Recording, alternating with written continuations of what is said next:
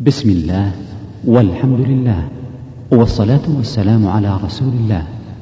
يسر تسجيلات الراية الإسلامية بالرياض أن تقدم لكم شرح لامية شيخ الإسلام ابن تيمية رحمه الله تعالى والذي قام بشرحها فضيلة الشيخ الدكتور عبد الكريم ابن عبد الله الخضير.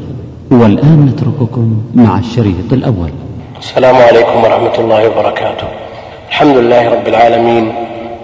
صلى الله وسلم وبارك على عبده ورسوله نبينا محمد وعلى آله وصحبه أجمعين. أما بعد ففي هذه الساعة المباركة من هذا اليوم الطيب المبارك نلتقي بالأخوة من طلاب العلم ونتدارس موضوعا من أهم الموضوعات وفنا من أعظم الفنون وهو فن الاعتقاد. والعقيدة وإن كان الدين بجميع أبوابه في غاية الأهمية بالنسبة للعالم والمتعلم.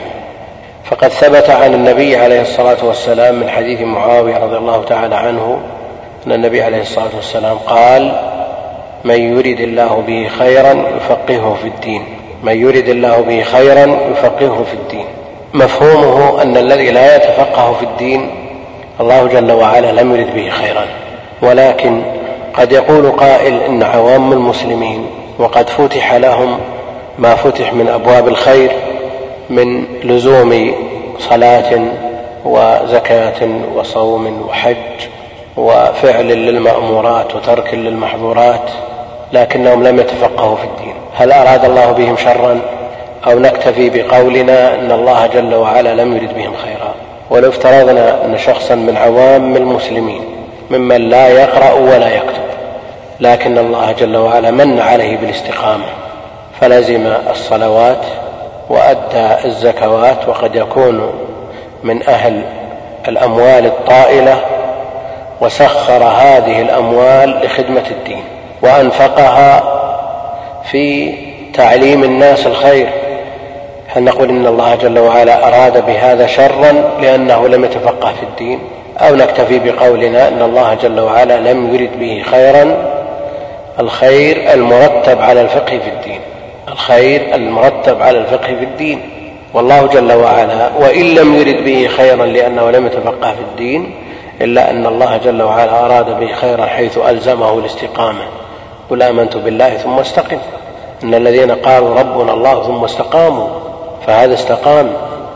بفعل الأوامر وترك المحظورات والنواهي وبذل من نفسه وماله وجاهه لنصر الدين. ما بذل؟ هذا أراد الله به خيرا لكنه من أبواب أخرى لا من باب الفقه في الدين. إذا عرفنا هذا فما المراد بالفقه في الدين؟ الفقه في الدين أولا الفقه الذي هو الجزء الأول والدين الذي هو الجزء الثاني. الفقه يراد به الفهم عن الله وعن رسوله ما جاء في كتابه وسنة نبيه عليه الصلاة والسلام.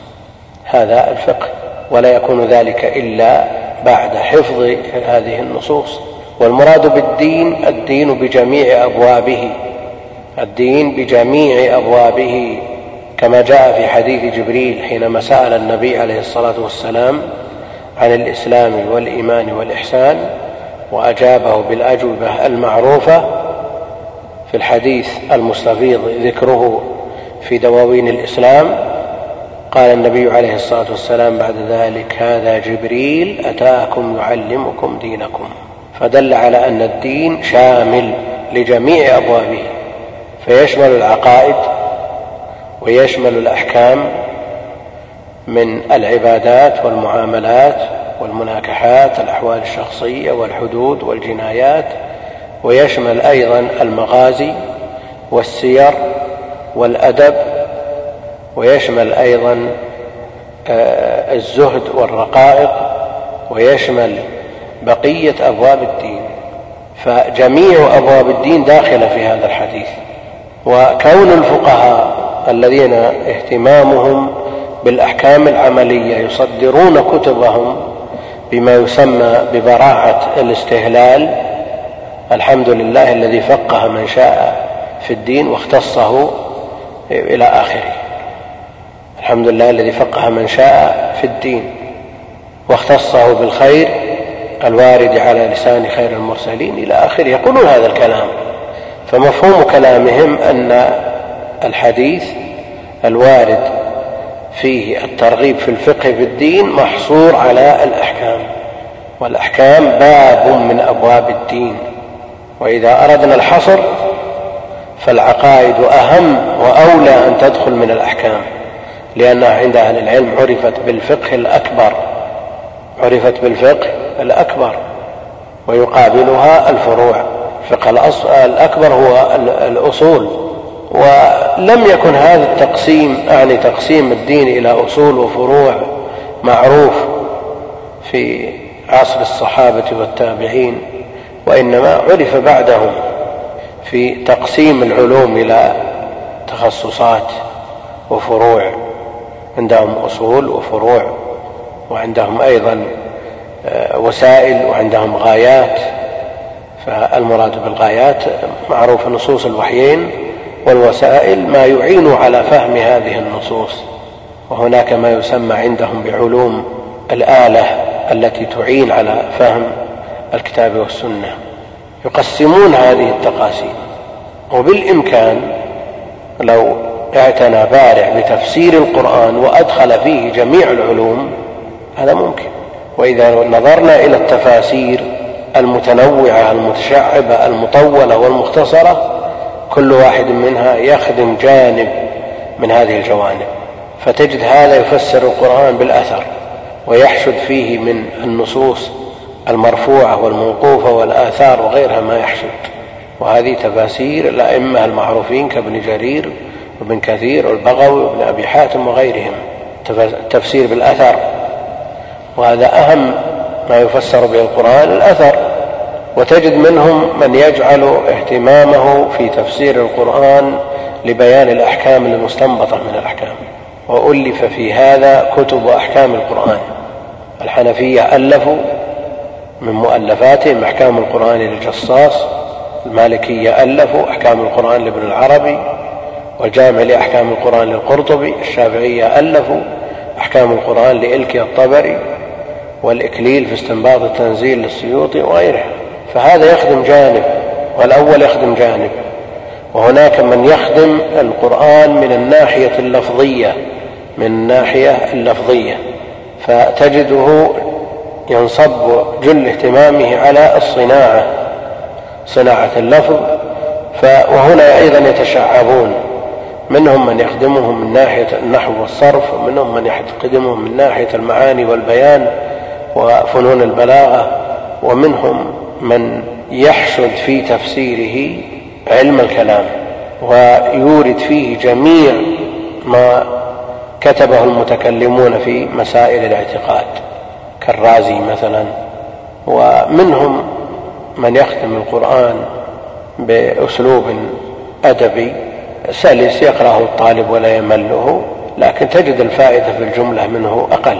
ومنهم من يعنى بتناسب الآيات والثور وفي هذا آه، كتاب برهان الدين البقاعي نظم الدرر في 22 مجلد وإن كان الشوكاني رحمه الله تعالى أنكر عليه إنكارا شديدا بل جزم بأنه لا مناسبة بين الآيات والسور.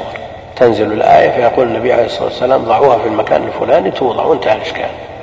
نعم هناك آيات لا شك أن التماس المناسبة بينها وبين ما قبلها في شيء من التكلف لكن لا ينكر أن كثير مما يقوله البقاء أو غيره ظاهر واضح. نعم. فخدمة القرآن يعني لو اجتمعت هذه الخدمة في كتاب هذه الخدمات في كتاب واحد فبينت العقائد وبسطت بحيث يستغنى في تفسير القرآن عن كتب العقائد. والأحكام أيضا استنبطت. ويعول في ذلك على ما جاء عن الله وعن رسوله عليه الصلاة والسلام.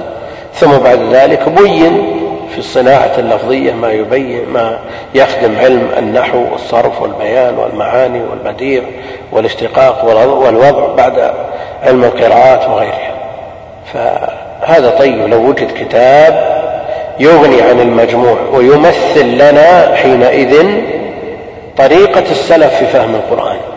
ما تجد السلف يقول هذا كتاب فقه وهذا كتاب حديث وهذا كتاب تفسير وهذا لا.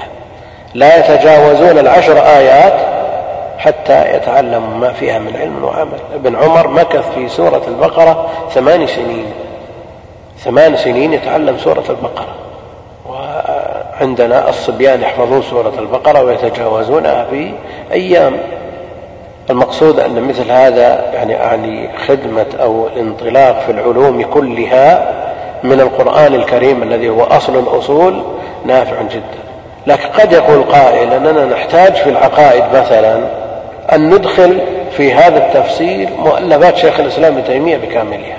فضلا عن مؤلفات الأئمة المتقدمين. فيمكن أن يكون هذا التفسير في مئات من المجلدات.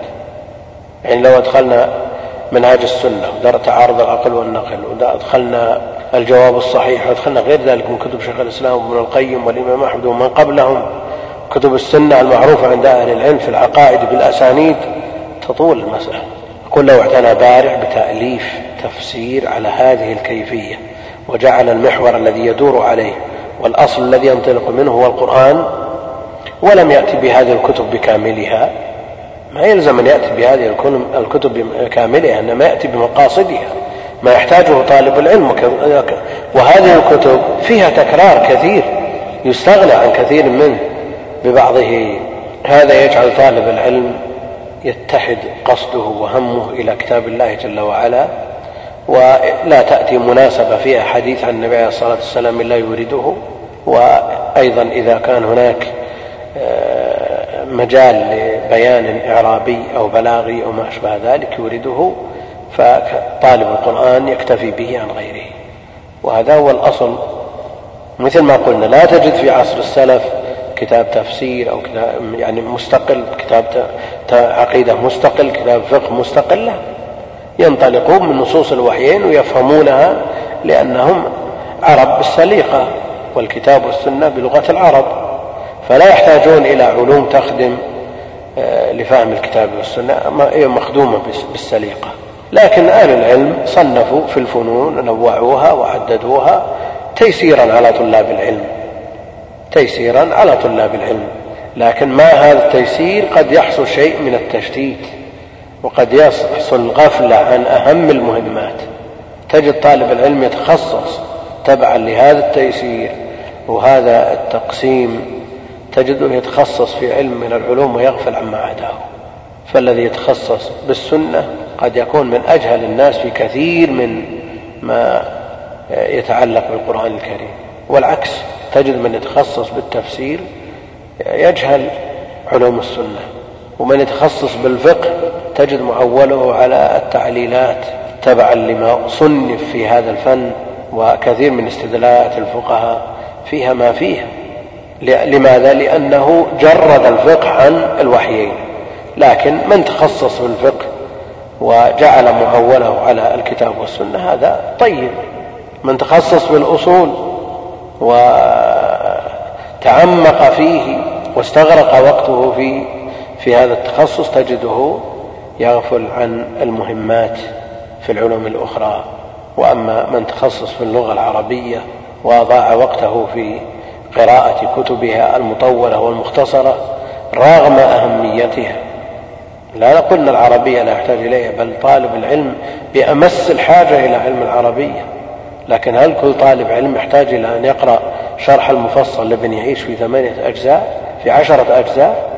ليس بحاجة. ويبحث عن شروح سيبويها ويبحث عن كتب النحو المطولات ليس بحاجة إلى. يكفيه من ذلك البلغة. وكما قال أهل العلم النحو بالنسبة للكلام مثل الملح للطعام إذا زاد أفسده. فضلا عن كونه يتخصص بتاريخ أو أدب أو شيء من هذا ويضيع عمره بذلك ويغفل بهذا عن المقاصد.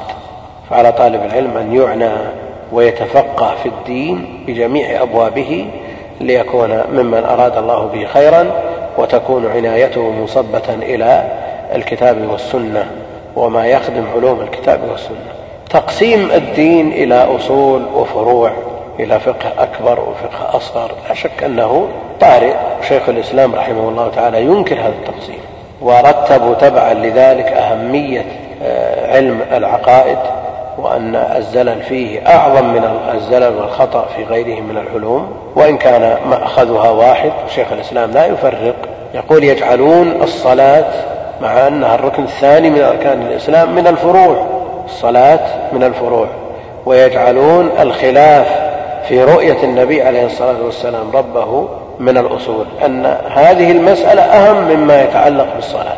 شيخ الإسلام رحمه الله ينكر هذا شد الإنكار. لا شك أن هناك أركان في الإسلام وفيه أيضا واجبات فرائض وفيه مستحبات فيه أولويات. يعني لو تعارضت هذه المطلوبات من قبل الشارع تعارضت فالمفاضلة بين هذه الأمور أمر مطلوب فتبدأ بالأهم فالأهم. هو كلام شيخ الإسلام رحمه الله. يقول إن الفقهاء العلماء لما جعلوا الدين أصول فروع وجعلوا الأصول هي الأهم والفروع أقل أهمية أورد على ذلك مثل هذه المسائل. هل معنى هذا أن الخلاف في رؤية الرب جل وعلا باعتبارها من الأصول أهم من الصلاة باعتبارها من الفروع؟ ما لا ما في أحد يقول بهذا. ما في أحد يقول بمثل هذا.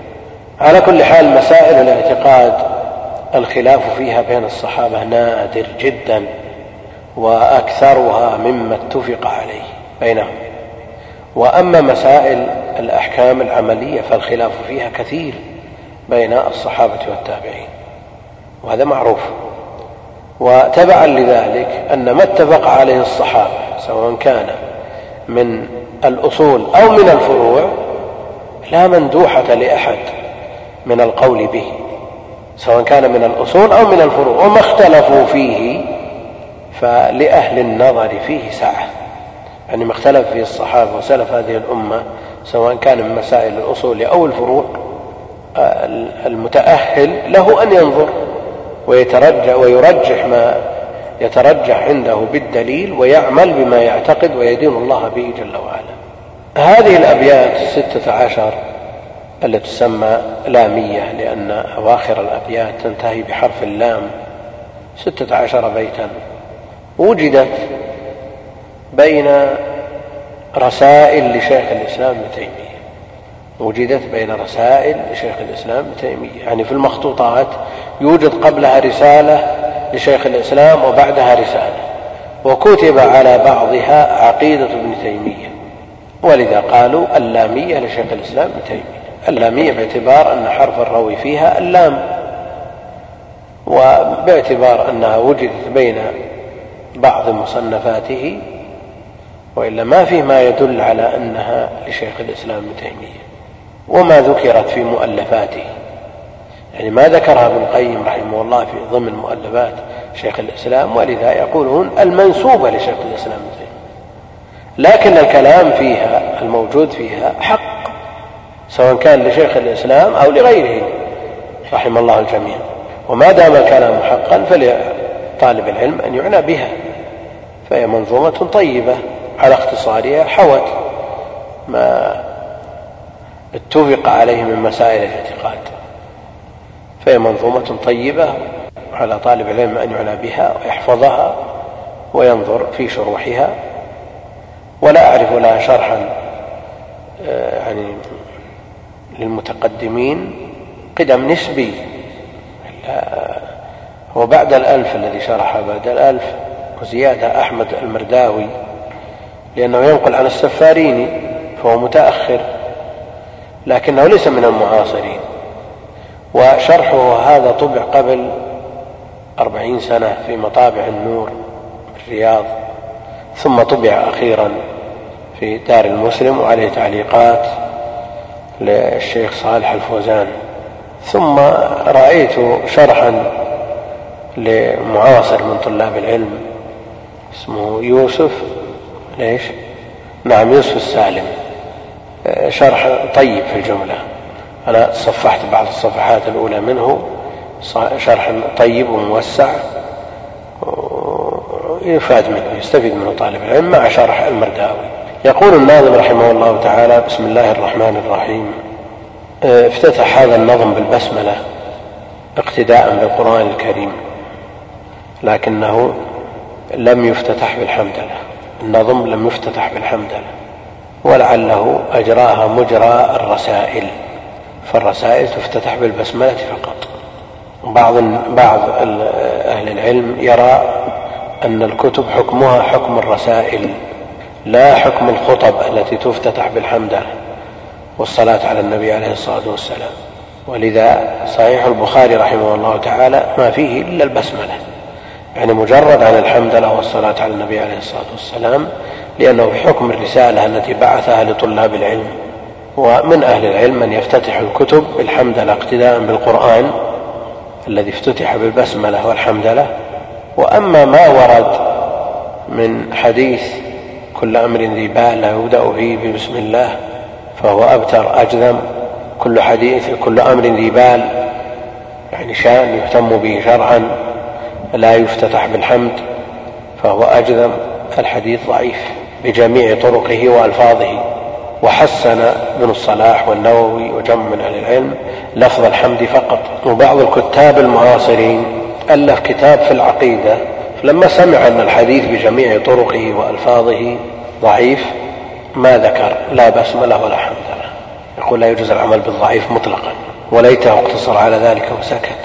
بل افتتح الكتاب بقوله كانت الكتب التقليدية تفتتح بالبسملة والحمد. الكلام مستقيم ولا غير مستقيم؟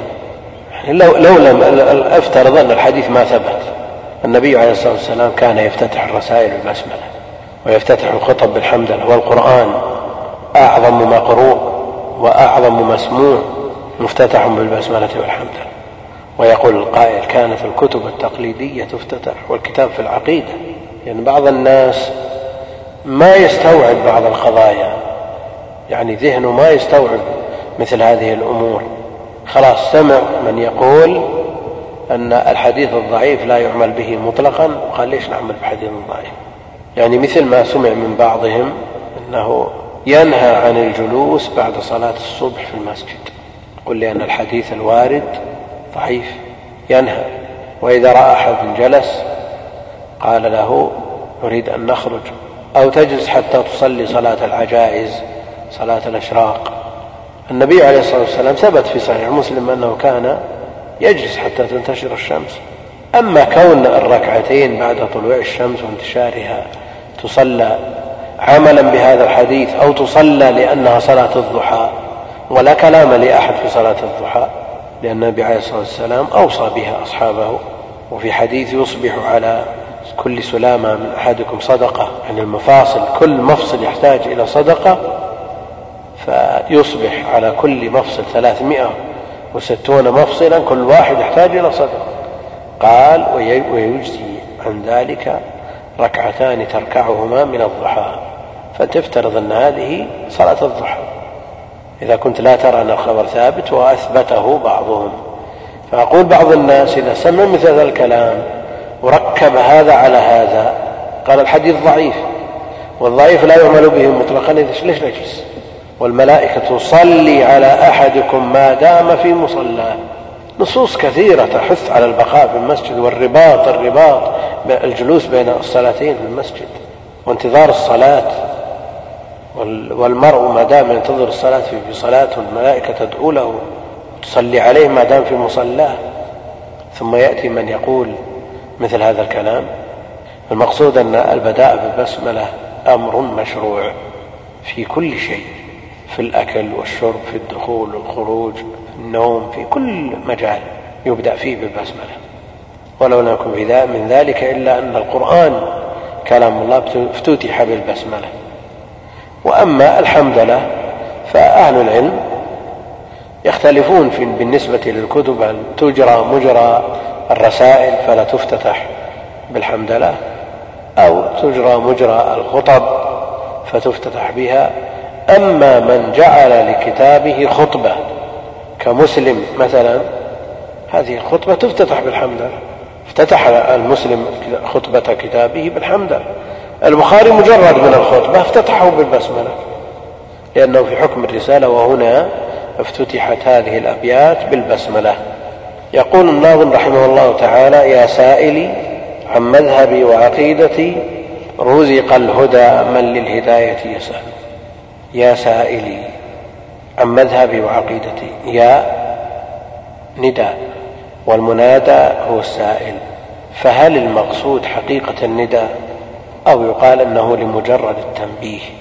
لأن السائل أحيانا شيخ الإسلام رحمه الله تعالى يسأل والسائل حاضر يمكن مناداته وأحيانا يسأل والسائل غائب لا يمكن مناداته. وفي الرسالة الكيلانية التي كتبها شيخ الإسلام رحمه الله تعالى في مئتي صفحة قال كتبتها وصاحبها مستوفز يريدها. قدرة جالس عندهم يعني ما هو متربع أو مضطجع. ينتظرها مستوفز.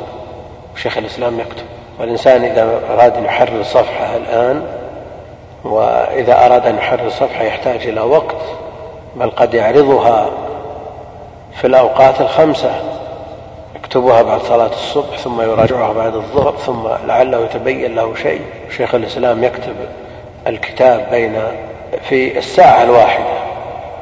ما يحتاج الناس إلى قراءته في مدة طويلة وكتب الحموية بين الظهر والعصر والناس يدرسونها في سنة كاملة وما تنتهي وكتابه نقض التأسيس كتبه في مدة يسيرة وحقق في ثمان رسائل يعني في مدة أربعين سنة. كيف مدة أربعين سنة؟ لأن كل واحد من, من, من هؤلاء الطلاب استغرق خمس سنوات في نصيبه في الثمن. فالكتاب حقق في أربعين سنة والله المستعان. البركة بركة الوقت والعلم والقلم السيال عند شيخ الإسلام شيء لا يخطر على البال. فكونه إن كان حاضرا لا مانع من أن يناديه فيقول يا سائلي هذا جوابك وإن كان غائبا فلا يراد به حقيقة النداء. والإخوان يقولون المتن ما قرئ قارئ أين هو تفضل. بسم الله الحمد لله والصلاة والسلام على رسول الله وعلى آله وصحبه ومن والاه. اللهم اغفر لنا ولشيخنا وللحاضرين والمستمعين يا رب العالمين. قال شيخ الإسلام ابن تيمية رحمه الله ونفعنا الله بعلمه وبعلم شيخنا يا سائلي عن مذهبي وعقيدتي. رزق الهدى من للهداية يسأل اسمع كلام محقق في قوله لا ينثني عنه ولا يتبدل. حب الصحابة كلهم لي مذهب ومودة القربى بها أتوسل ولكلهم قدر على وفضائل لكنما الصديق منهم أفضل؟ نعم يقول المؤلف رحمه الله تعالى الناظم سواء كان شيخ الإسلام إن صحت النسبة إليه أو غيره من أهل التحقيق في المعتقد يقول يا سائلي والسؤال من قبل المتعلم مأمور به في قوله جل وعلا فاسألوا أهل الذكر إن كنتم لا تعلمون والجواب من العالم مطلوب والكتمان مع القدرة على الجواب لا يجوز إلا سيما إذا تعين. فالسائل المتعلم سواء كان عاميا أو في حكمه من أحد المتعلمين مأمور به. فالله جل وعلا يقول فاسألوا أهل الذكر والمراد بأهل الذكر هم أهل القرآن وأهل العلم وليس المراد بهذا بهم كما يقول بعض المتصوفة الجهال الذين لا علم عندهم يقول المراد بأهل الذكر من يلزم الذكر ولو لم يكن عنده علم ثم ما هذا الذكر الذي يلزمونه أذكار مبتدعة مخترعة لا توجد في كتاب ولا سنة ويريدون أن ينزلوا الآية عليهم. اسألوا أهل هذه الأذكار الذين هم أشبه بالدراويش لا يدرون ما يقولون ولكن المراد بالذكر القرآن. وأهل القرآن هم أهل العلم هم أهل العلم. يا سائلي هذا بالنسبة للسائل لا بد أن يسأل ما يشكل عليه. محتاج إلى البيان والإيضاح يسأل أهل العلم وأهل الذكر. والمسؤول أيضا إذا تعين عليه الجواب لا يجوز له أن يتردد في الجواب. نعم إذا وجد من يكفيه المؤونة ويجيب على أسئلة السائلين فالتدافع تدافع الفتوى معروف ومأثور عن السلف. أما إذا تعين الجواب عليه بحيث لا يوجد من يحسن الجواب على هذا السؤال سواه لا يجوز له أن يكتم. ومن سئل عن علم فكتمه ألجم يوم القيامة بلجام من نار وهذا الخبر لا يسلم مما قال لكن له أصل بلا شك. يعني منهم من يحسنه فإذا تعين لا بد من الجواب. أما إذا وجد من يكفيه المؤونة فالصحابة دافعوا الجواب. وقد جاء كما في كتاب المناسك في صحيح مسلم رجل يسأل ابن عمر رضي الله تعالى عنه وأرضاه فدله على ابن عباس. قال اذهب إلى ابن عباس. فقال له أنا أريد جوابك؟ لأن ابن عباس قد مالت به الدنيا ومال بها. يعني إنه توسع في المباحات بخلاف ابن عمر. فزهده معروف. والعامة يحسنون الظن بالعالم الزاهد. العوام يحسنون الظن كثيرا بالعالم الزاهد. ومحل إحسان الظن إذا كان لديه علم. أما العالم الذي عنده تعلق بالدنيا فإن العامة ينصرفون عنه في الغالب وإن كان عنده علم. ابن عباس رضي الله تعالى عنهما وارضاه توسع يعني في أمور الدنيا أكثر من ابن عمر وإلا فعلمه وزهده وورعه وتقواه وعبادته لا يحتاج إلى استدلال لا تحتاج إلى استدلال. لكنه بالنسبة لعبد الله بن عمر الذي لا ينام من الليل إلا قليلا ولا يكاد يفطر من الأيام إلا قليلا يعني الفرق بينهما واضح. فهذا همه يعني ابن عمر الآخرة. لما قال النبي عليه الصلاة والسلام كن في الدنيا كأنك غريب أو عابر سبيل فكان عبد الله يقول كما في الصحيح إذا أصبحت فلا تنتظر المساء وإذا أمسيت فلا تنتظر الصباح مثل هذا العوام يثقون به بخلاف من توسع في الدنيا ولو عرف بالعلم. ولا شك أن الزهد مطلوب والمسلم إنما أو الإنسان عموما الجن والإنس إنما خلقوا لتحقيق العبودية لله جل وعلا. ومع ذلك على الإنسان أن لا ينسى نصيبه من الدنيا. وبون شاسع من أن يكون جل همه الدنيا وبين أن يكون همه الآخرة. ووجد في العصور المتأخرة ممن ينتسب إلى العلم ممن يزاحم في أمور الدنيا. وليس من ذلكم ابن عباس رضي الله عنه وأرضاه. وإن قيل لأن المسألة أمور نسبية. يعني إذا نسبنا ابن عباس إلى ابن عمر قلنا العبادة عند ابن عمر أوضح. والاهتمام بالعلم عند ابن عباس أوضح. وكلاهما في عبادة لكن العوام ينظرون إلى العبادات العملية ما ينظرون إلى العبادات العلمية. فقال له ابن عباس مالت بالدنيا ومال بها. ولذا تجدون العامة الآن يحرصون على أن يستفتوا هذا النوع من الناس وإن كان في العلم أقل لأن ما في قلوب الناس من العلوم وفي أذهانهم أمور لا يطلع عليها العامة. إنما يظهر لهم عباداتهم العملية فيثقون بهم ويتجهون إلى سؤالهم. ولذا ينبغي أو مما يتأكد في حق طالب العلم الاهتمام بالعمل الاهتمام بالعمل. ولا يكون الهدف من أجل أن يتجه إليه العوام بالأسئلة. نظرا لما مهدناه أبدا. لأن العمل مطلوب والعلم يقتضي العمل. وعلم بلا عمل كشجر بلا ثمر. لا بد من الاهتمام بالعمل بالنسبة لطالب العلم لأن الذي يثبت العلم هو العمل والكلام في النوافل وليس الكلام في الواجبات يعني الواجبات ما عليها مساومة لكن الكلام في الإكثار من النوافل وخير ما يعين على تحصيل العلم العمل به. ولا يقول طالب العلم أنا والله أنا مشغول بالطلب مشغول بالحفظ مشغول بالفهم مشغول بالتردد على الدروس وعلى المشايخ عن العمل. لا العمل أمر لا بد منه. فالإكثار من النوافل مطلوب من المسلمين عموما وعلى أهل العلم وطلابه على وجه الخصوص. يا سائلي والسائل اسم فاعل مضاف إلى ياء المتكلم عن مذهبي وعقيدتي. المذهب في الغالب يطلق على المذهب الفرعي فيقال هذا مذهب أبي حنيفة وهذا مذهب مالك وهذا مذهب الشافعي وهذا مذهب أحمد وهذا مذهب سفيان وهذا مذهب الأوزاعي وهذا مذهب الظاهرية وهذا مذهب الزيدية إلى آخره. قالب يطلق على الفروع. ويدل عليه العطف عطف العقيدة على المذهب. يا سائلي عن مذهبي وعقيدتي. فالمذهب في الفروع والعقيدة في الأصول. هذا هو الذي يعلي ظاهر اللفظ. لكن حقيقة النظم. هل أجاب الناظم عن مذهبه الفرعي؟ لا. ما أجاب عن مذهبه الفرعي وإنما أجاب عن عقيدته.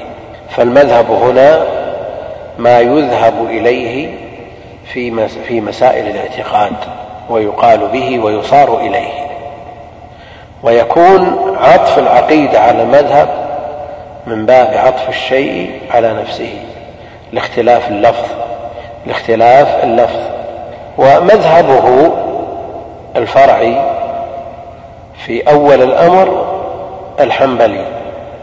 فشيخ الإسلام وهذا كله الكلام كله على سبيل التنزل أن هذه الرسالة لشيخ الإسلام وهذه المنظومة لشيخ الإسلام وإلا فنسبتها إليه آه، لا يدل عليها دليل قطعي إنما هي مجرد قرائن يعني وجودها بين رسالتين لشيخ الإسلام يعني في المخطوطات المخطوطات التي وجدت لهذه المنظومة قبلها رسالة لشيخ الإسلام وبعدها رسالة لشيخ الإسلام. فهي من بين مؤلفاته وجدت فنسبت إليه وعلى كل حال الكلام الذي فيها حق. إذا قلنا أنها لشيخ الإسلام فمذهبه الفرعي هو مذهب الإمام أحمد في الأصل وتفقه عليه وتخرج على كتب أصحابه. ثم بعد ذلك اجتهد اجتهد وخلع ربقة التقليد فصار يعمل بالكتاب بالنصوص بالكتاب والسنة. ولذا تجد الفرق بين شرحه للعمدة وبين كلامه وفتاواه المتأخرة. فرق كبير يعني تقرأ في شرح العمدة لشيخ الإسلام كأنك تقرأ لفقهاء الحنابلة من بيان الروايات والوجوه والتعليلات كأنك تقرأ لأنه متقدم. وأما مؤلفاته المتأخرة تجد كلام مستقل واختيارات شيخ الإسلام الفقهية قسمت إلى أقسام.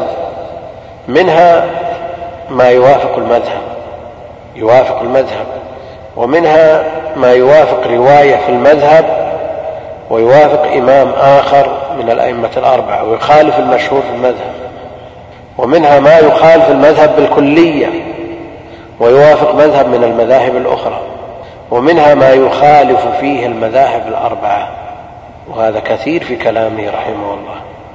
ومنها ما نسب فيه شيخ الإسلام إلى أنه خالف الإجماع فاختياراته مقسمة إلى هذه الأقسام منها ما يستقل به ويوافق فيه بعض السلف ويخالف فيه الأئمة الأربعة وهذا امتحن بسببه وقيل أنه خالف فيه الإجماع ومنها ما يوافق فيه إمام من الأئمة الأربعة ومنها ما يوافق أكثر من إمام ويخالف المذهب ومنها ما يوافق رواية في المذهب ليست هي المشهورة ومنها ما يوافق المشهور في المذهب. ومعوله وعمدته على النص. معوله رحمه الله على النص كما هو معروف. تفقه على كتب المذهب وكتب الأصحاب ثم بعد ذلك اطلع على المذاهب الأخرى ونظر في أدلتهم ووازن بين هذه الأدلة ورجح واختار ما اختار. ووافق من وافق وخالف من خالف. وهذه طريقة ينبغي أن يسلكها طلاب العلم. وذكرناها في مناسبات كثيرة بالنسبة لكيفية التفقه. كيف يتفقه طالب العلم؟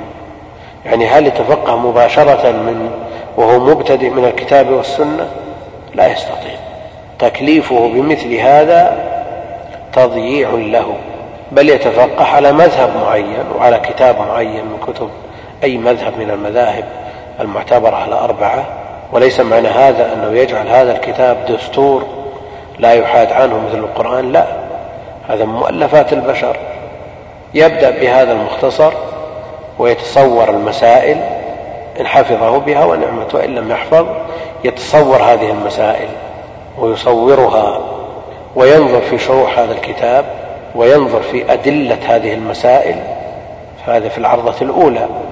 في العرضة الثانية ينظر من وافق المؤلف ومن خالفه وينظر في أدلة الموافقين إن كان عندهم مزيد من الأدلة على ما عنده وينظر في أدلة المخالفين ويرجح حسب قواعد التعارض والترجيح عند أهل العلم ثم يعمل بالراجح.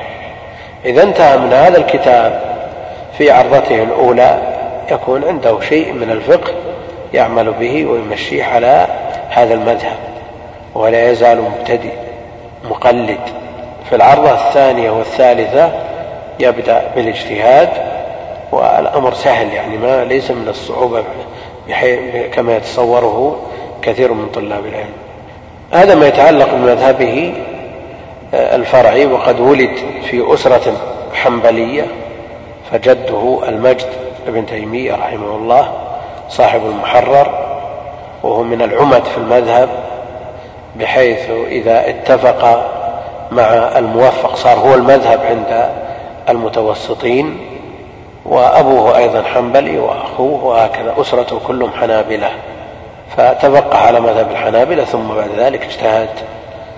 عن مذهبي وعقيدتي عرفنا أن عطف العقيدة على المذهب من خلال النظر في طبيعة هذه المنظومة وأنه ليس فيها أحكام فرعية أن العقيدة هي المذهب وهي مأخوذة من العقد. والشد وهي ما يعتقده الإنسان بقلبه فيعقد عليه قلبه كما يعقد المتاع بالحبل بحيث لا يتفلت ولا يضيع منه شيء فيضبطه ويعتقده بحزم وعزم وجد. عن مذهبي وعقيدتي رزق الهدى يدعو الناظم رحمه الله تعالى لمن يسأل عن الهداية. رزق الهدى من للهداية يسأل. هذا لفظه لفظ الخبر. والمراد منه الدعاء. أن الله جل وعلا يرزقه الهدى. والدعاء يأتي بلفظ الأمر ويأتي بلفظ الخبر. كما أنه يأتي بلفظ النهي. يأتي بلفظ الخبر كما تقول غفر الله لك رحمك الله رضي الله عنه رزق الهدى ويأتي الدعاء بلفظ الأمر اللهم اغفر لي اللهم ارحمني ويأتي بلفظ النهي اللهم لا تؤاخذني لا تعذبني إلى آخره. فإذا جاء الدعاء بلفظ الخبر جاز اقترانه بالمشيئة. وإذا جاء بلفظ الأمر لا يجوز اقترانه بالمشيئة. لا يقول أحدكم اللهم اغفر لي إن شئت. لكن جاء عنه عليه الصلاة والسلام طهور إن شاء الله لأنه بلفظ الخبر. وجاء ذهب الظمأ وثبت الأجر إن شاء الله دعاء بلفظ الخبر. رزق الهدى رزق الهدى الذي هو لزوم الصراط المستقيم. والاستقامة على دين الله جل وعلا من للهداية يسأل؟ لأن لأنه مأمور بالسؤال. لأنه مأمور بالسؤال فإذا امتثل هذا الأمر وسأل أهل العلم عما يشكل عليه فإنه حينئذ يوفق للاستقامة.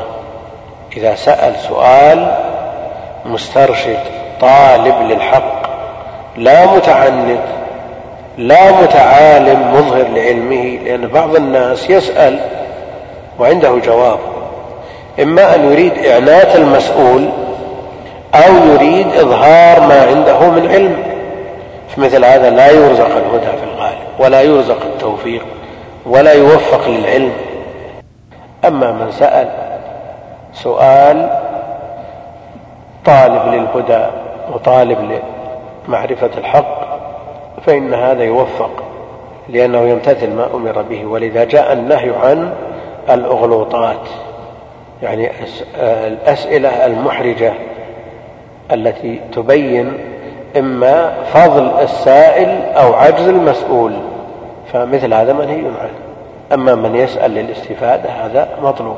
وفي عهده عليه الصلاة والسلام جاء النهي عن السؤال ذروني ما تركتكم فإنما أهلك من كان قبلكم كثرة سؤالهم واختلافهم على أنبيائهم. فكثرة الأسئلة لا شك أنها توقع في عنت لا سيما في وقت التنزيل لأنه قد يسأل عن شيء مباح ثم يحرم بسببه أو يسأل عن شيء لا حكم له في الشرع إنما تستصحب فيه البراءة الأصلية ثم ينزل إيجابه. فلما سأل السائل عن الحج أكل عام يا رسول الله؟ سكت النبي عليه الصلاة والسلام. ثم قال ذروني ما تركتكم. لو قال نعم لو وجبت ولو وجبت ما استطاعوا. فهلكوا. فالذي يسأل إن كان يريد الحق ليعمل به هذا لا شك أنه يوفق ويثاب على ذلك. وإن كان يريد عناية المسؤول أو إظهار ما عنده من علم مثل هذا يحرم بركة العلم والعمل. قد يسأل الشخص للاختبار يسأل للامتحان وهذا من وسائل التعليم. يسأل عن شيء يعرفه. لا يريد بذلك إعنات المسؤول ولا إظهار علم السائل وإنما يريد امتحان المسؤول لينظر ما عنده من علم والامتحان معروف عند أهل العلم. واختبار الإمام البخاري بقلب مئة حديث عليه في القصة المشهورة معروف والمعلم يمتحن طلابه وقد يلقي الدرس على طريق السؤال والجواب. وهذه طريقة ناجحة طريقة التعليم على هيئة سؤال وجواب. والأصل فيها حديث جبريل عليه السلام لما سأل النبي عليه الصلاة والسلام الأسئلة الثلاثة المعروفة لأن بعض الناس يقول أن هذه الطريقة جاءتنا من وسائل التربية الحديثة الوافدة علينا.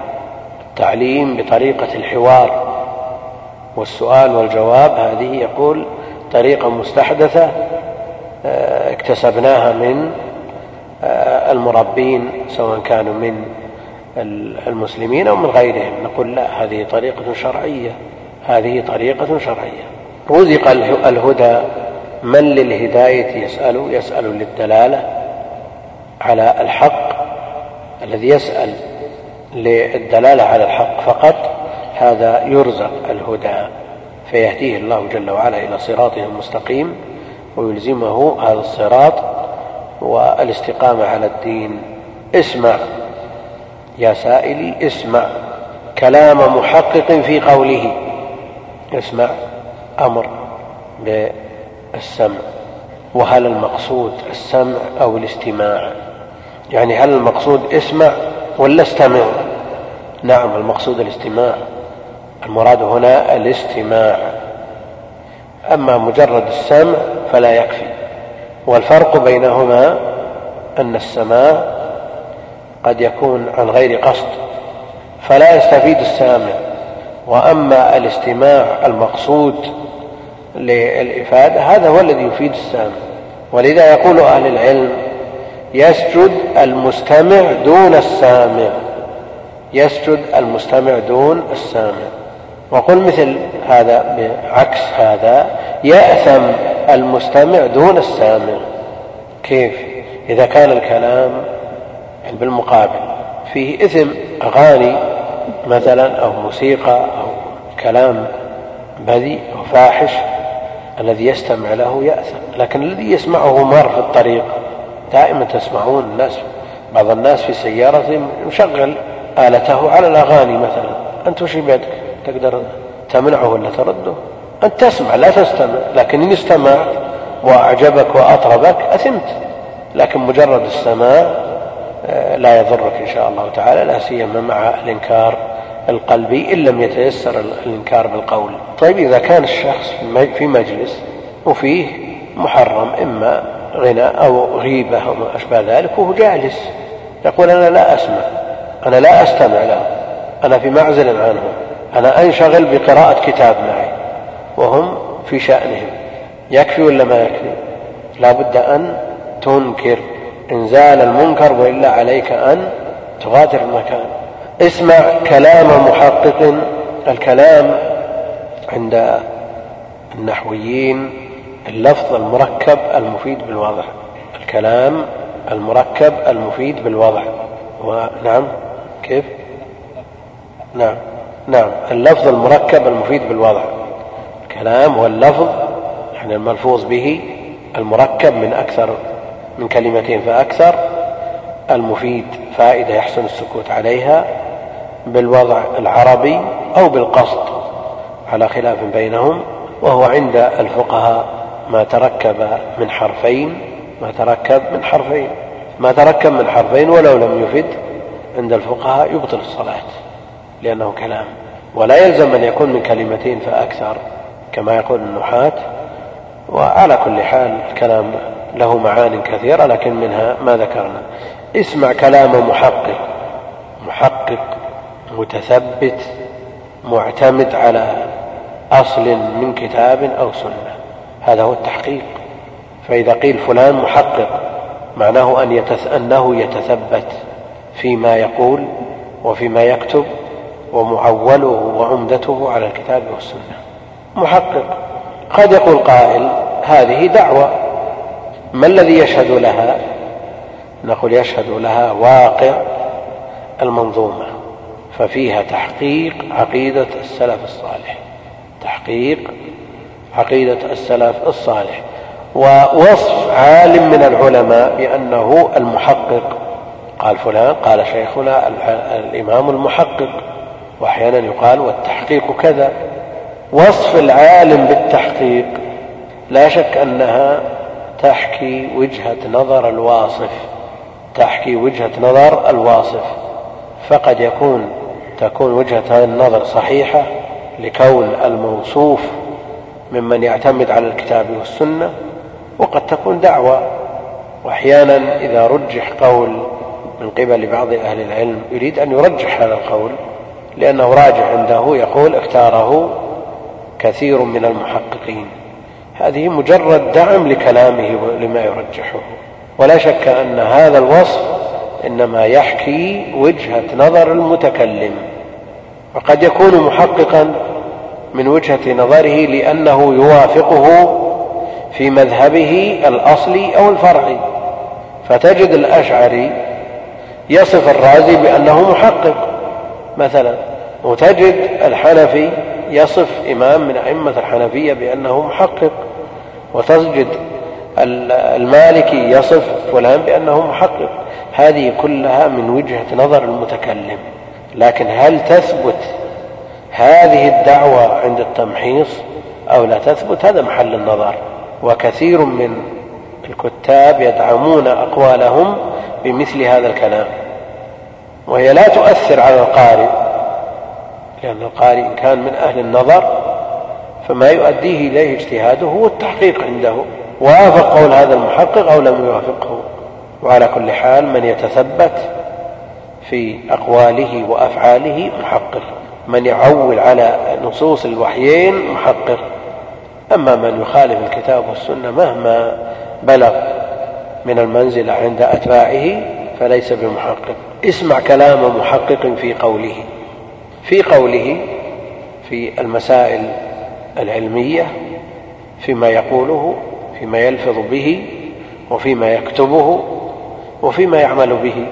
فالقول يطلق على ما هو أعم من اللفظ. فيطلق على اللفظ فيما إذا كان الكلام بالقول باللسان ويطلق على الكتابة كما أنه يطلق على الإشارة ويطلق أيضا على الفعل. فقال بيديه هكذا فالقول أعم من أن يكون ملفوظا به. اسمع كلام محقق في قوله لا ينثني عنه ولا يتبدل. لا ينثني عنه ولا يتبدل. لا شك أن القول المبني على الكتاب والسنة يكتسب صفة الثبوت واللزوم وعدم التبدل والتبديل من ثبوت نصوص الكتاب والسنة. لا ينثني عنه هذا يعتمد على الكتاب والسنة والنصوص ثابتة. إذا ما أخذ منها فهو ثابت. لا سيما في هذا الباب باب الاعتقاد الذي اتفق عليه سلف هذه الأمة. هذا لا يحصل له تغيير ولا تبديل ولا آه، تزعزع بإذن الله. اللهم إلا إذا كان الإنسان غير راسخ في هذا الباب ويعرض نفسه للشبهات. فمثل هذا قد يطرأ عليه التغير والتبدل أما من رسخ في علمه واطلع على نصوص الكتاب والسنة وما اتفق عليه سلف هذه الأمة فإنه لا يتزعزع ولا يتبدل ولا ينثني عن ذلك. وقلنا أن بعض طلاب العلم حصل عندهم شيء من الانثناء والتبتل وذلكم لعدم رسوخهم في هذا الباب وأيضا لاستماعهم إلى الشبه وفتح قلوبهم لها فليحذر الإنسان كل الحذر أن تميل به الأهوى ويسمع من فلان وفلان غير الثقات من أهل العلم. والآن المجال مفتوح لاستماع ما يقال عنه كل وجهة نظر. والشبه الآن غزت البيوت في بيوت عوام المسلمين ونسمع أسئلة من عوام لا يقرؤون ولا يكتبون في أصول العقائد. وسبب ذلك كون الإنسان يستمع لكل ناعق والناظم يقول لا ينثني عنه ولا يتبدل لأنه رسخ قدمه رسخت قدمه في هذا الباب واستمع إلى الشبهة وفندها. ولذا يقال لطالب العلم لا تستمع لهذه الشبهة. وأنت ما عندك حصانة من رسوخ قدم في العلم لا تستمع لهذه الشبهة. فضلا عن أن تكون عاميا أو في حكم العامي. وإذا تأهل لاستماع هذه الشبه وتفنيد هذه الشبه لا شك أن الرد على هذه الشبه باب من, أب من أعظم أبواب الجهاد. وقد انبرى شيخ الإسلام رحمه الله تعالى إلى شبه المبتدعة وفندها. الرازي يورد في تفسيره شبه لمبتدعة أعظم منه بدعة. أما بدعة التي يصوغها بأساليب بحيث تغزو القلوب هذا واضح لكن كونه يورد شبه ويسميها شبه ويحاول الإجابة عنها تجده في إيراده للشبهة يجليها ويوضحها بحيث يجعلها مثل الشمس ثم يرد عليها برد ضعيف. فإذا التصقت وتمكنت من قلب القارئ ما وجد لها منازع. ولذا يحذر من قراءة تفسيره إلا لعالم متمكن راسخ لكي يرد عليه. يقول بعض أهل العلم أنه يورد الشبه نقد ويرد عليها نسيئة وكتابه مشحون بهذه الشبه وتفسير الزمخشري فيه أيضا من البدع والشبه ما لا يستطيع رده كثير من أهل العلم فضلا عن طلاب العلم. ووجد من أهل العلم ولله الحمد من يبين هذه الشبه وهذه البدع وتتبعوها بالمناقيش كما قال. قال رحمه الله بعد ذلك حب الصحابة كلهم لي مذهب ومودة القربى بها أتوسل. حب الصحابة رضوان الله عليهم الذين نصر الله بهم الدين وحملوه وبلغوه إلى من بعدهم كلهم بدون استثناء. ما دام ثبتت الصحبة يجب حبهم. وحبهم إيمان وبغضهم نفاق. حب الصحابة. إذا كان ثبت في الحديث أنه لا يؤمن أحدكم حتى يحب لأخيه ما يحب لنفسه أخيه من من أحد المسلمين لا يؤمن حتى يحب لأخيه ما يحب لنفسه. فماذا عن من لهم المنة والفضل بعد الله جل وعلا ورسوله عليه الصلاة والسلام في تبليغنا الدين. أن تفترض أن أبا هريرة مثلا ما وجد وقد روي عن طريقه نصف الدين. ماذا يكون وضعك وماذا يكون حالك؟ وماذا يكون الحال بعد الصحابة؟ لو لم يوجد مثل هذا الذي حمل لنا الدين. وقل مثله في بقية الصحابة رضوان الله عليهم الذين بلغونا هذا الدين. يبقى لنا دين لو لم يوجد هذا الجيل الذي تحمل الأمانة وبلغها امتثالا لقوله عليه الصلاة والسلام بلغوا عني ولو آية. ليبلغ الشاهد منكم الغائب؟ يعني لو لم يكن من الفضل إلا هذا يعني كونهم نصروا الدين ونصروا النبي عليه الصلاة والسلام وفدوه بأرواحهم ومهجهم وبلغوه إلى شرق الأرض وغربها وافتتحوا به الأقطار والأقاليم والأمصار وانتشر الدين على أيديهم إذا حبهم مثل حب الإنسان العادي أو أكثر. لا أحد يقول أن حب أبي هريرة مثل زيد من الناس أبدا إلا إنسان لا يقيم لهذا الدين رأس. والنبي عليه الصلاة والسلام دعا لأبي هريرة أن أن يحبه الخلق أن يحب الخلق ويحبه الخلق. فصار محبوبا لدى الجميع ولذا لا يبغضه إلا منافق.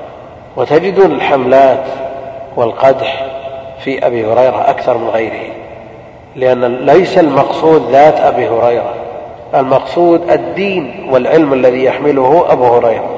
إذا لماذا أبو هريرة على وجه الخصوص دون غيره؟ لأن القدح في أبي هريرة قدح في مروياته والقدح في خمسة أكثر من خمسة آلاف حديث بسبب شخص واحد أيسر من القدح في مئة راوي يرون خمسة آلاف حديث. إذا لا تجدون من يقدح في المقلين من الصحابة. أبيض بن حمال ما وجدنا المستشرقين يقدحون به. يروي حديث واحد. تحتاج إلى إلى سنين من أجل أن تقدح بمقدار ما تقدح به من من السنة إذا قدحت في أبي هريرة. فكونهم حملاتهم أعني المستشرقين والمبتدعة حملاتهم مسعورة على أبي هريرة على وجه الخصوص لا لأنه أبو هريرة بل لما يحمله من العلم والدين الذي بلغنا بواسطته. هذا هو السبب الذي يجعل أبا هريرة موضع لسهام الأعداء. يقول حب الصحابة الصحابة جمع صاحب جمع صحابي والصحب جمع صاحب كركب جمع راكب والصحابة جمع صحابي. حبهم كلهم يعني بدون استثناء. والمراد بالصحابي من رأى النبي عليه الصلاة والسلام مؤمنا به ومات على ذلك. مات على الإيمان مؤمنا ليخرج بذلك المنافق الذي رأى النبي عليه الصلاة والسلام وهو لا يؤمن به. والمراد بالإيمان الإيمان القلبي. وإلا الدعوة المجردة باللسان لا تنفع ولا تفيد. ولذا صار حكم المنافقين في الدرك الأسفل من النار. نسأل الله السلامة والعافية ولو شهدوا أن لا إله إلا الله مع الناس ولو صلوا مع الناس ولو حضروا آه، مجالس النبي عليه الصلاة والسلام. حب الصحابة كلهم لي مذهب. قدم الناظم الصحابة من باب الاعتراف بحقهم وفضلهم. وقلنا أن لو تصورنا أن الصحابة ما وجدوا أو ما وجد منهم من يحمل هذا العلم والدين كيف يكون حال من بعدهم إذا كانت الأمة بأمس الحاجة إلى العلم وإلى أهل العلم في أواخر عصورها فكيف بمن كان الواسطة بين الأمة وبين نبيها عليه الصلاة والسلام؟ تصور نفسك في بلد ليس فيه من تستفتيه إذا أشكل عليك شيء. أقول تصور نفسك في بلد ليس فيه من يستفتى وأشكل عليك مشكلة في دينك. ذكر الآجري في أخلاق العلماء مثالا يمثل به الحاجة الماسة إلى أهل العلم. قال العلماء بمثابة المصابيح. فإذا تصورت أن قوما في ليلة مظلمة في واد موحش كله أشجار وهوام وسباع وحيات والليلة شديدة الظلم والناس يمشون على غير هدى. ولا يدرون هل يذهبون يمين أو شمال.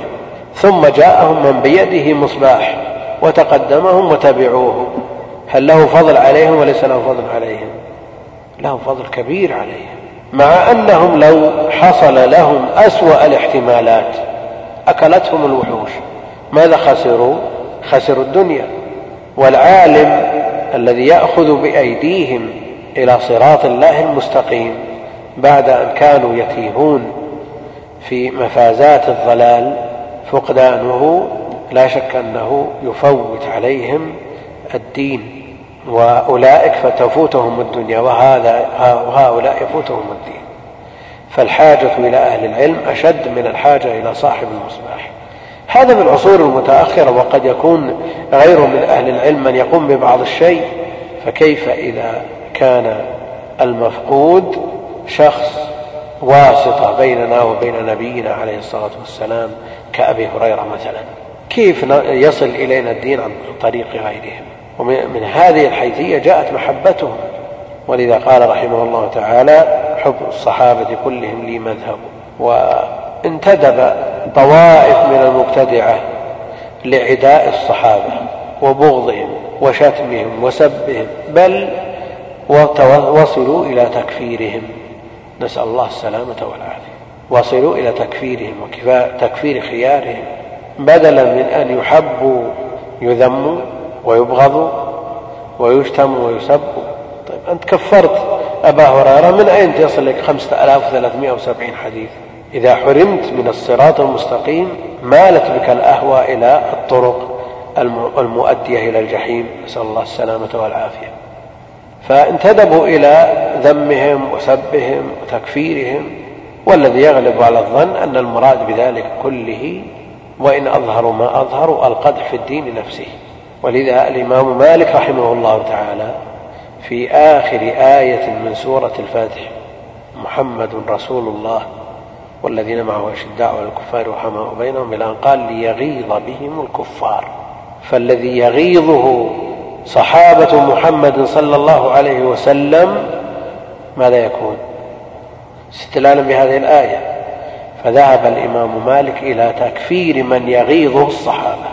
وشيخ الإسلام استدل بقوله جل وعلا والذين جاءوا من بعدهم يقولون ربنا اغفر لنا ولإخواننا الذين سبقونا بالإيمان بعد أن ذكر المهاجرين والأنصار. بعد أن ذكر المهاجرين والأنصار قال والذين جاءوا من بعدهم يقولون ربنا اغفر لنا ولإخواننا سبق أن هذا الذي لا يترضى عن المهاجرين والأنصار أنه ليس له نصيب في الخمس. ليس له نصيب في الخمس. فالأمر خطير. فعلى الإنسان أن يتولى الصحابة وأن يترضى عنهم ويعرف لهم منازلهم وأقدارهم ومراتبهم.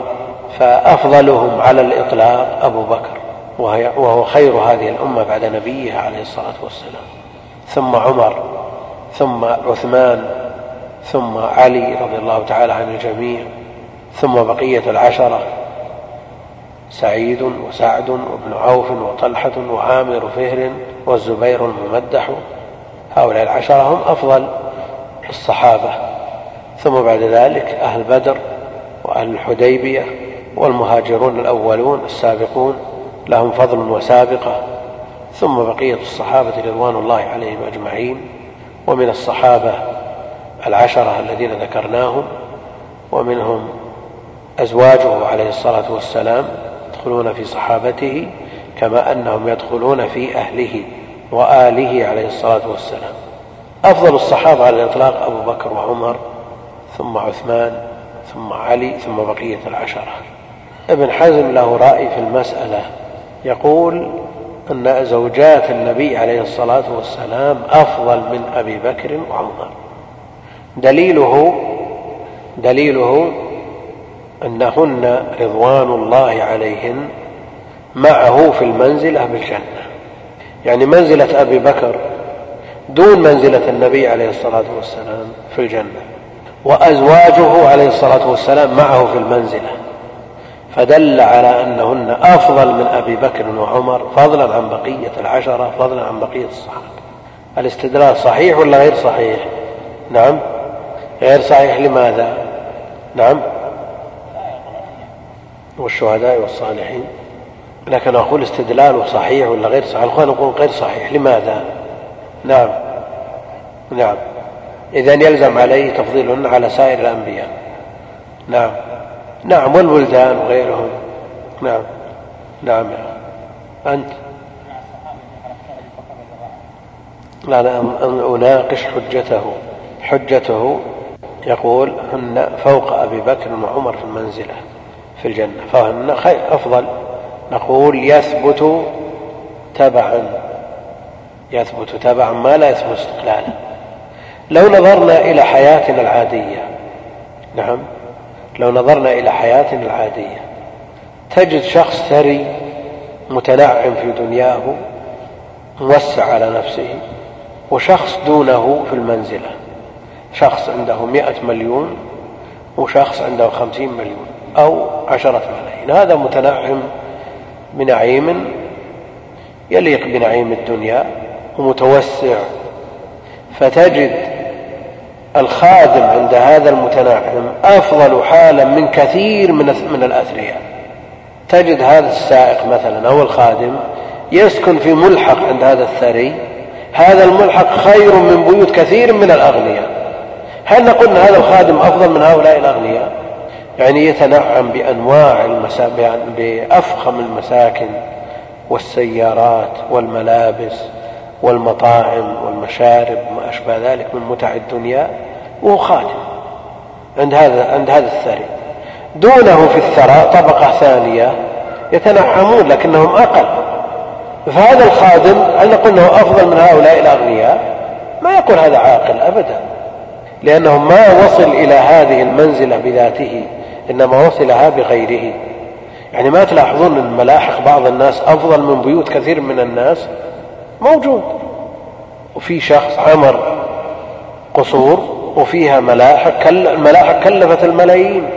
بل عشرات الملايين فقيل له لما نظرها بعض الناس قال هذه هذا مكان غير لائق لو نقلته إلى ففورا هدمها ونقلها إلى مكان آخر. فمثل هذا السائق عند هذا الشخص أو هذا الخادم نقول هل هذا هل هذا أفضل من بقية الأغنياء الذين هم دون منزلة هذا؟ لا, لا الشيء الذي يثبت للإنسان على طريق التبعية لا يحكم له به على جهة الاستقلال. يلزم هذا يلزم. هذا من لازم قوله مثل هذا الكلام أن زوجة العالم الأفضل فوق العالم الذي هو أدنى منه لأنها معه في المنزلة. والذين آمنوا واتبعتهم ذريتهم بإيمان ألحقنا بهم ذريتهم يعني في نفس المنزلة وما ألتناهم من عملهم من شيء. المقصود أن هذا قول مرذول مردود لا يلتفت إليه. حب الصحابة كلهم لي مذهب ومودة القربى بها أتوسل. قل لا أسألكم عليه أجرا إلا المودة في القربى. والمودة خالص المحبة خالص المحبة. والمراد بذوي القربى آله عليه الصلاة والسلام ويدخل فيهم دخولا أوليا ذريته وأزواجه فهم ذوي القربى. وليطهركم ليذهب عنكم الرجس أهل البيت. والمراد بذلك السياق في نساء النبي عليه الصلاة والسلام. فنساؤه من أهل بيته بالنص. فلا مجال لمحبة الآل وإخراج النساء. يعني من التناقض أن يدعي مدع أنه يوالي أهل البيت ويبغض بعض نساء النبي عليه الصلاة والسلام الذين دخولهن في أهل البيت دخول أولي والقربى كما تطلق على القرابة من حيث النسب تطلق أيضا من في من بالنسبة للقرابة الحسية فأزواجه عليه الصلاة والسلام أقرب الناس إليه لمعاشرته إياهم واختلاطه بهم فمودة القربى بها أتوسل. والناظم رحمه الله تعالى جمع بين الصحب والآل الذي هم ذوي القربى للرد على طائفتين من طواف طوائف المبتدعة. فالشطر الأول رد على الروافض. الذين يبغضون الصحابة ويكفرونهم والشطر الثاني رد على النواصب الذين ينصبون العداء لأهل البيت يقول بها أتوسل توسل التقرب إلى الله جل وعلا. فنحن نتقرب إلى الله جل وعلا بحب الصحابة ومودة ذي القربى. فلا بد من الجمع بين الأمرين هو التوسل منه الممنوع ومنه المشروع. فالتوسل بذواتهم ممنوع. التوسل بذواتهم ممنوع. والتوسل بمحبتهم مشروع لأنه دين قربة إلى الله جل وعلا. والتقرب إلى الله جل وعلا والتوسل إليه بالعبادة بعبادة الإنسان. ومنها محبة الصحابة ومودة القربى مشروعة. ولذا في حديث أصحاب الغار الثلاثة توسلوا بأعمالهم الصالحة. وسيق الخبر مساق المدح. فالتوسل بالأعمال الصالحة مشروع. بخلاف التوسل بالذوات فهو ممنوع. جمع الناظم بين الصحب والآل. وهذا يقودنا إلى شيء وهو أن الإنسان إذا صلى على النبي عليه الصلاة والسلام امتثالا لقول الله جل وعلا يا أيها الذين آمنوا صلوا عليه وسلموا تسليما. إن اقتصر على ذلك امتثل الأمر إذا قال صلى الله عليه وسلم امتثل الأمر. لكن إن عطف عليه فينبغي أن يعطف عليه الصحب والآل فيقول على آله وصحبه. وبهذا يتم رده على طوائف مبتدعة لا أولئك الذين يبغضون الصحابة ولا الطرف الثاني الذين يبغضون وينصبون العداء لآل البيت. فإذا عطف على النبي عليه الصلاة والسلام فليعطف عليه الآل لما لهم من حق ولأنهم وصية النبي عليه الصلاة والسلام وللصاحب ولما لهم علينا من فضل بتبليغ الدين وإيصاله إلينا كما أنزل. بعضهم يقول أننا نقتصر على الآل لأنهم هم المأمور بهم. وهم الواردون في الصلاة الإبراهيمية في التشهد. اللهم صل على محمد وعلى آل محمد. وانتصر لهذا الصنعاني والشوكاني وصديق حسن خان وبسبب ذلك طعنوا في أئمة الإسلام الذين يقتصرون بالصلاة على النبي عليه الصلاة والسلام. في الصحيح عرفنا كيف نسلم عليك. فكيف نصلي عليك إذا صلينا في صلاتنا؟ قال قولوا اللهم صل على محمد وآل محمد. فالصلاة على الآل مأمور بها. وأئمة الإسلام قاطبة في كتبهم إذا مر ذكره عليه الصلاة والسلام قالوا صلى الله عليه وسلم. وقالوا إن هؤلاء العلماء الذين لا يصلون على الآل امتثالا لهذا الحديث في كتبهم هؤلاء كلهم يدارون الولاة. يعني داهنوا الولاة. فحذفوا ما أوجب الله عليهم مداهنة للولاة. والولاة في عهد الأئمة من الآل من بني العباس يعني ما هم من بني أمية ولا من غيرهم.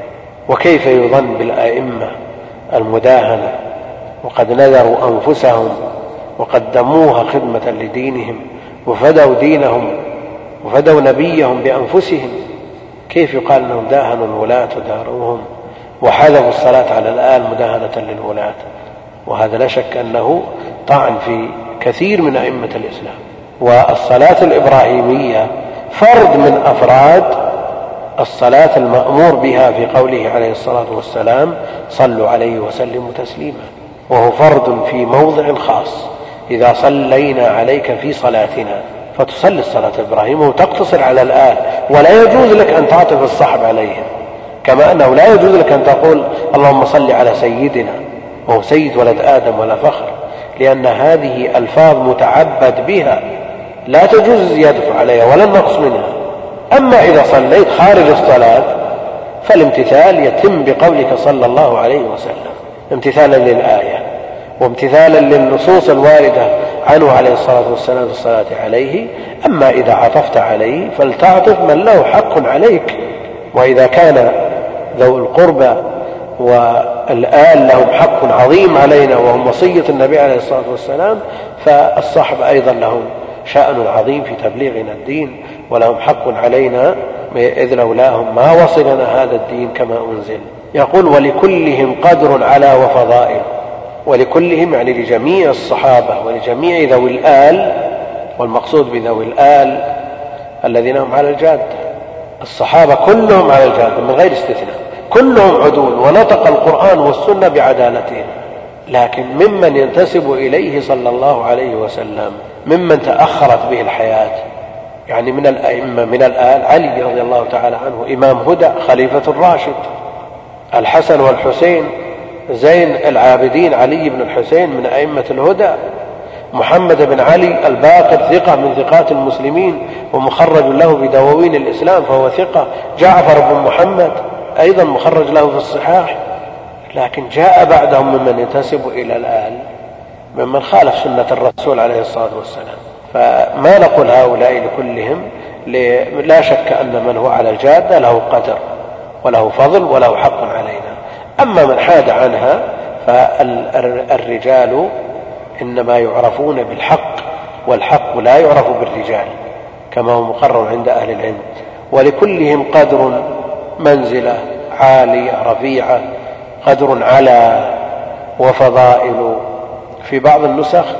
ولكل ولكلهم قدر وفضل ساطع وهنا علاء وفضائل لهم فضائل ولهم مناقب مدونة في كتب التراجم المبسوطة ومن خير ما ألف وأفضل ما ألف في مناقب العشرة الرياض النظرة للمحب الطبري للمحب الطبري. وليس لابن جرير محمد بن جرير المفسر المعروف كما قال بعضهم هو المحب الطبري صاحب القرى لقاصد أم القرى وله كتب أخرى. على وفضائل والنسخة الأخرى وفضل ساطع. نعم لهم فضائل ولهم مناقب تحفظ لهم لكنما الصديق منهم أفضل. لكنما الصديق لكنما الصديق لكن هذا حرف الاستدراك المعروف الذي ينصب ما بعده من كأن لكنها مكفوفة بالماء بماء لكن ما ماء هذه كافة ولكن مكفوفة ولذا جاء الصديق مرفوعا. ليس بمنصوب لكنما الصديق منهم يعني من الصحابة من جلتهم بل هو أجلهم على الإطلاق أفضل منهم دون منازع. والله أعلم وصلى الله وسلم وبارك على عبده ورسوله نبينا محمد وعلى آله وصحبه أجمعين. السلام عليكم ورحمة الله وبركاته. سم. بسم الله الحمد لله. والصلاة والسلام على رسول الله وعلى آله وصحبه ومن والاه. قال الناظم رحمه الله ونفعنا الله بعلمه وبعلم شيخنا. وأقول في القرآن ما جاءت به آياته فهو القديم المنزل. وأقول قال الله جل جلاله والمصطفى الهادي ولا أتأول. وجميع آيات الصفات أمرها حقا كما نقل الطراز الأول وأرد عهدتها إلى نقالها وأصونها عن كل ما يتخيل. قبحا لمن نبذ القرآن وراءه وإذا استدل يقول قال الأخطل والمؤمنون يرون حقا ربهم وإلى السماء بغير كيف ينزلون. الحمد لله رب العالمين وصلى الله وسلم وبارك على عبده ورسوله نبينا محمد وعلى آله وصحبه أجمعين. أما بعد فيقول المؤلف رحمه الله تعالى الناظم رحمة الله عليه سواء كان شيخ الإسلام إن ثبتت هذه المنظومة له أو غير شيخ الإسلام فما فيها فهو حق والحق والحكمة ضالة المؤمن سواء كانت لشيخ الإسلام ولا نتعصب لأحد. فما دام الكلام حقا فيعتنى به ولو لم يكن لشيخ الإسلام. في البيت الخامس يقول رحمه الله وأقول في القرآن ما جاءت به آياته فهو القديم المنزل. وأقول في القرآن يعني أعتقد وقولي وعقيدتي ومذهبي في القرآن ما جاءت به آياته. من أنه كلام الله جل وعلا المنزل على نبيه عليه الصلاة والسلام بواسطة جبريل عليه السلام. أنزل أو نزل في ليلة القدر من رمضان والعلماء يختلفون في هذا التنزيل. هل هو إنزاله جملة كما ثبت عن ابن عباس في هذه الليلة من إلى السماء الدنيا أو بداية التنزيل في رمضان ثم أنزل باقيه مفرقا منجما في ثلاث وعشرين سنة التي هي عمر الرسالة من من البعثة إلى وفاته عليه الصلاة والسلام. فعرف عن ابن عباس أن القرآن أنزل جملة واحدة. إلى السماء الدنيا ثم بعد ذلك ينزل جبريل به إلى النبي عليه الصلاة والسلام مفرقا منجما على حسب الوقائع وعلى حسب الأسباب الداعية إلى التنزيل في هذه المدة التي هي ثلاث وعشرون سنة. ومنهم من يقول إن بداية التنزيل إنما كانت في رمضان. ثم بعد ذلك ينزل منه ما يحتاج إليه وينبعث السبب الداعي إليه في المناسبات وفي الوقائع فنزوله منجما على هذه الكيفية. وأقول في القرآن ما جاءت به آياته وهو كلام الله جل وعلا منه بدأ وإليه يعود. القرآن كلام الله وكلامه المسموع منه جل وعلا بحرف وصوت كما يقرر ذلك أهل السنة والجماعة على ضوء ما جاء في الأدلة الكثيرة. فالنداء لا يكون إلا بصوت والكلام لا يكون إلا بحرف. فكلامه جل وعلا مسموع بصوت وحرف سمعه جبريل ثم بلغه من شاء من عباده من أنبيائه ورسله عليهم الصلاة والسلام. منه بدأ من الله جل وعلا بدا وهو الذي تكلم به وإليه يعود في آخر الزمان. في آخر الزمان يرفع القرآن من صدور الرجال ومن المصاحف أيضا. فينام الرجل نومه فإذا أصبح فإذا ليس في جوفه شيء من القرآن. وإذا فتح الناس المصاحف للقراءة ما وجدوا. وقد يعاقب الإنسان وهذا الكلام إنما يكون في آخر الزمان لكنه قبل ذلك قد يعاقب الإنسان فينسى ما حفظه من القرآن أو ينسى ما حفظه من القرآن بسبب ذنب أصابه وذكر عن بعض من تقدم شيء من ذلك. وقد يكون الذنب حائلا بينه وبين حفظ القرآن كما أن الذنوب تحول بين أصحابها وبين أبواب الخير. كقيام الليل مثلا وصيام الهواجر كذلك تكون سببا في رفع ما حصل عليه من خير. وعلى كل حال رفعه إنما يكون جملة إنما يكون في آخر الزمان. ولهذا يقول أهل العلم منه بدأ وإليه يعود. ما جاءت به آياته فالآيات المدونة في المصاحف والمحفوظة في الصدور والمتلوة والمسموعة هي كلام الله جل وعلا وهي عبارة عن شيء واحد هو القرآن. ولا نقول إن المتلو غير المحفوظ والمسموع غير المقروء لا هي شيء واحد. كما قال ابن حزم أننا لدينا الآن أربعة قرآنات ليس بقرآن واحد ولا اثنين ولا ثلاث أربعة قرآنات. وهذا لا شك أنه كلام باطل وإنما القرآن وكلام الله شيء واحد. القرآن الموجود بين الدفتين وهو المحفوظ في الصدور له أول وله آخر يفتتح بالفاتحة ويختم بالناس يعني محفوظ ومضبوط وسالم من الزيادة والنقصان. إنا نحن نزلنا الذكر وإنا له لحافظون. فمن ادعى أن شيئا من القرآن زائد أو ناقص لا إشكال في كفره وردته لأن الأمة أجمعت على أن القرآن محفوظ كما هو نص القرآن. والذي يزعم أن هناك زيادة أو نقصان مكذب للنص القطعي. إنا نحن نزلنا الذكر وإنا له لحافظون وذكر الحافظ البيهقي رحمه الله تعالى أن يهوديا دعاه يحيى بن أكثم إلى الإسلام.